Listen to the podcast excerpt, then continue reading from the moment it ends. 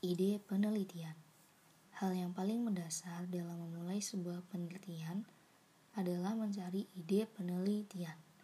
Namun, sebelum mencari dan menemukan ide penelitian, ada beberapa hal yang harus kita renungkan. Berapa lama Anda akan menyelesaikan tugas akhir Anda atau skripsi Anda? Artinya, selain kita harus menemukan sebuah ide penelitian, dengan scope of research yang pas, kita juga harus memilih penelitian yang pas dengan rencana penyelesaian studi kita. Semisal, 6 bulan maksimal untuk penyelesaian skripsi, satu tahun untuk penyelesaian tesis S2, dan tiga tahun untuk penyelesaian disertasi S3. Hal utama yang membuat mahasiswa kesulitan melakukan pengerjaan skripsi adalah menemukan ide atau tema yang pas. Pas dalam konteks ini menyangkut kriteria. Tema yang diusung memiliki level kesulitan yang dapat diterima. Sumber bacaan cukup tersedia, model dari penelitian terdahulu sudah well established, dan data yang dibutuhkan tidaklah sulit untuk dicari. Memang tidak mudah untuk menemukan ide tema yang tepat untuk kriteria di atas. Dan sebenarnya, jika Anda sudah menemukan ide tema dengan kriteria yang pas, Anda sebenarnya sudah melakukan pengerjaan skripsi 50%. Ingat bahwa pencarian ide tidak seperti penerimaan wangsit yang biasa dilakukan dengan menyendiri, merenung di tempat yang jauh seperti gunung atau goa. Merenung dalam kesendirian tidak akan dapat membuahkan hasil apalagi jika sebelumnya kita tidak pernah memberi nutrisi yang cukup terhadap isi yang ada dalam kepala kita. Nutrisi yang dimaksud adalah bacaan-bacaan yang relevan dengan akademis.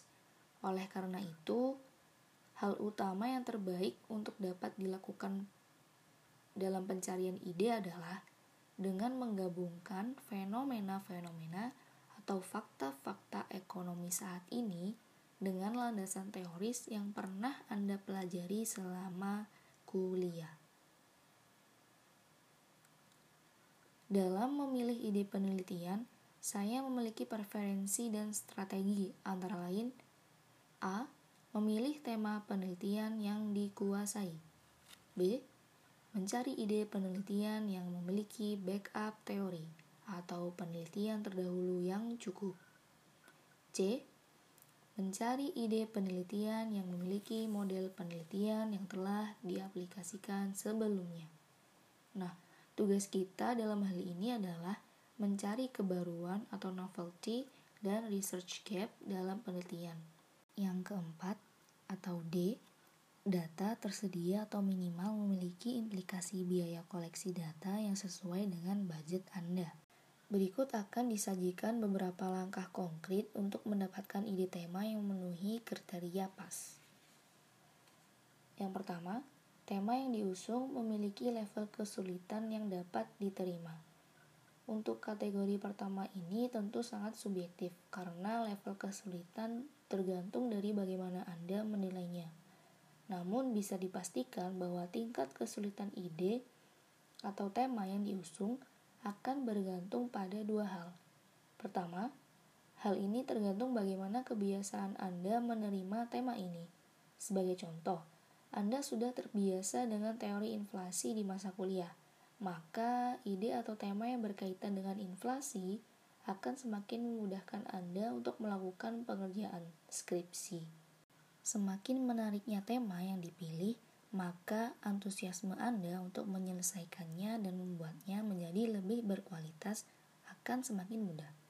Sehingga tips untuk hal ini adalah jangan memilih tema-tema tugas akhir yang kurang familiar dengan diri Anda. Kedua, tingkat kesulitan tugas akhir akan bergantung dari tiga poin terakhir di bawah ini, yaitu sumber bacaan atau bahan pustaka, serta model penelitian dan data. Jika ketiga poin yang tersebut sudah tersedia, maka dipastikan tingkat kesulitannya akan semakin terukur dan mudah. Yang kedua, sumber bacaan cukup tersedia.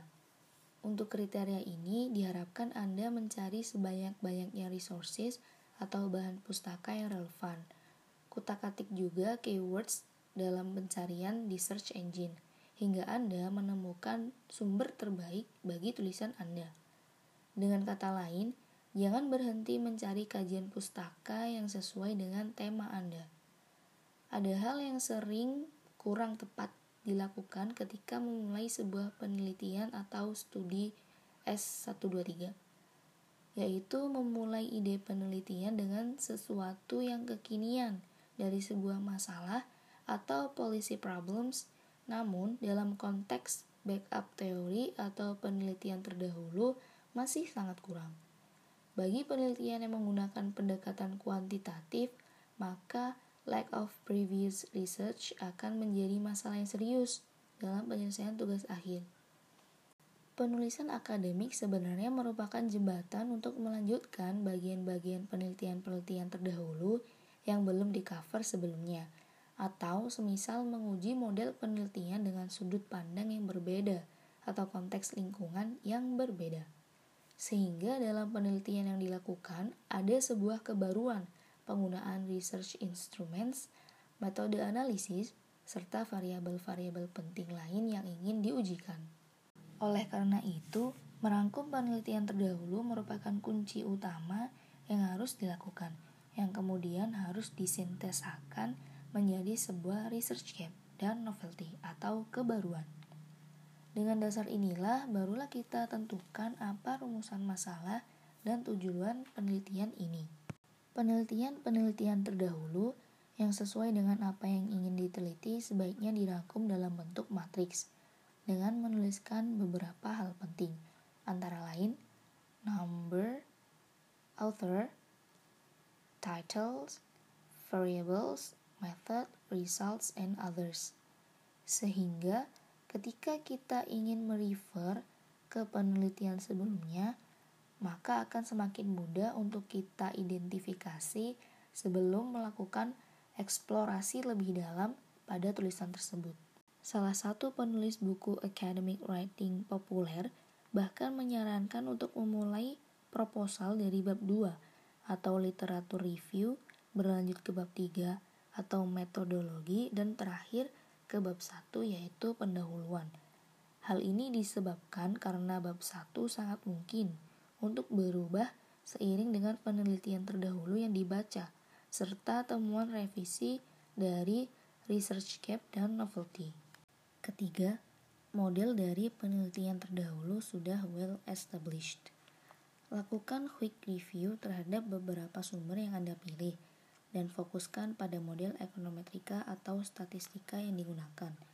Lakukan inventarisir pada semua jurnal yang memiliki model ekonometrika yang hampir sama, hingga Anda mendapatkan variabel-variabel penelitian yang banyak yang mungkin bisa digunakan dalam penelitian. Dalam tahapan ini, Anda diharapkan menganalisis kemungkinan penggunaan variabel-variabel tersebut untuk tugas akhir Anda. Selanjutnya, dalam tahapan ini juga Anda harus menentukan tingkat kesulitan model.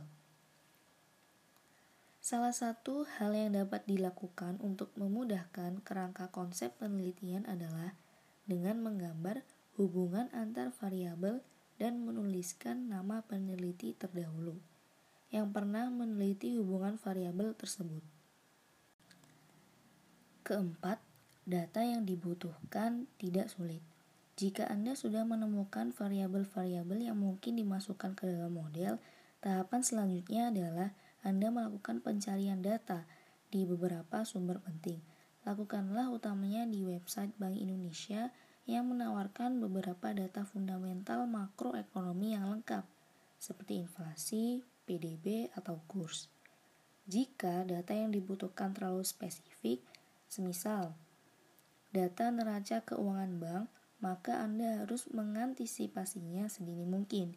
Coba Anda melakukan pencarian data di internet atau website bank yang bersangkutan. Dan hal yang paling penting adalah jangan menghabiskan waktu Anda hanya untuk mencari data. Jika memang data yang dicari sangatlah sulit dan memakan biaya yang mahal, sebaiknya Anda merevisi ide atau tema yang dipilih. Data memiliki peran yang sangat penting untuk mendukung kelancaran tugas akhir Anda.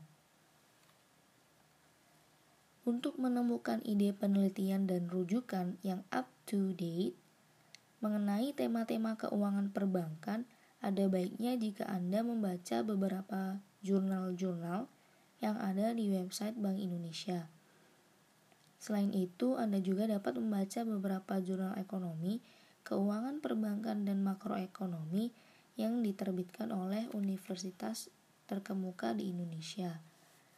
Hal ini dilakukan untuk melihat perkembangan tema-tema baru, model penelitian, dan gaya penulisan yang relevan dengan tema-tema tersebut. Yang terakhir, rumus 2, 3, 1.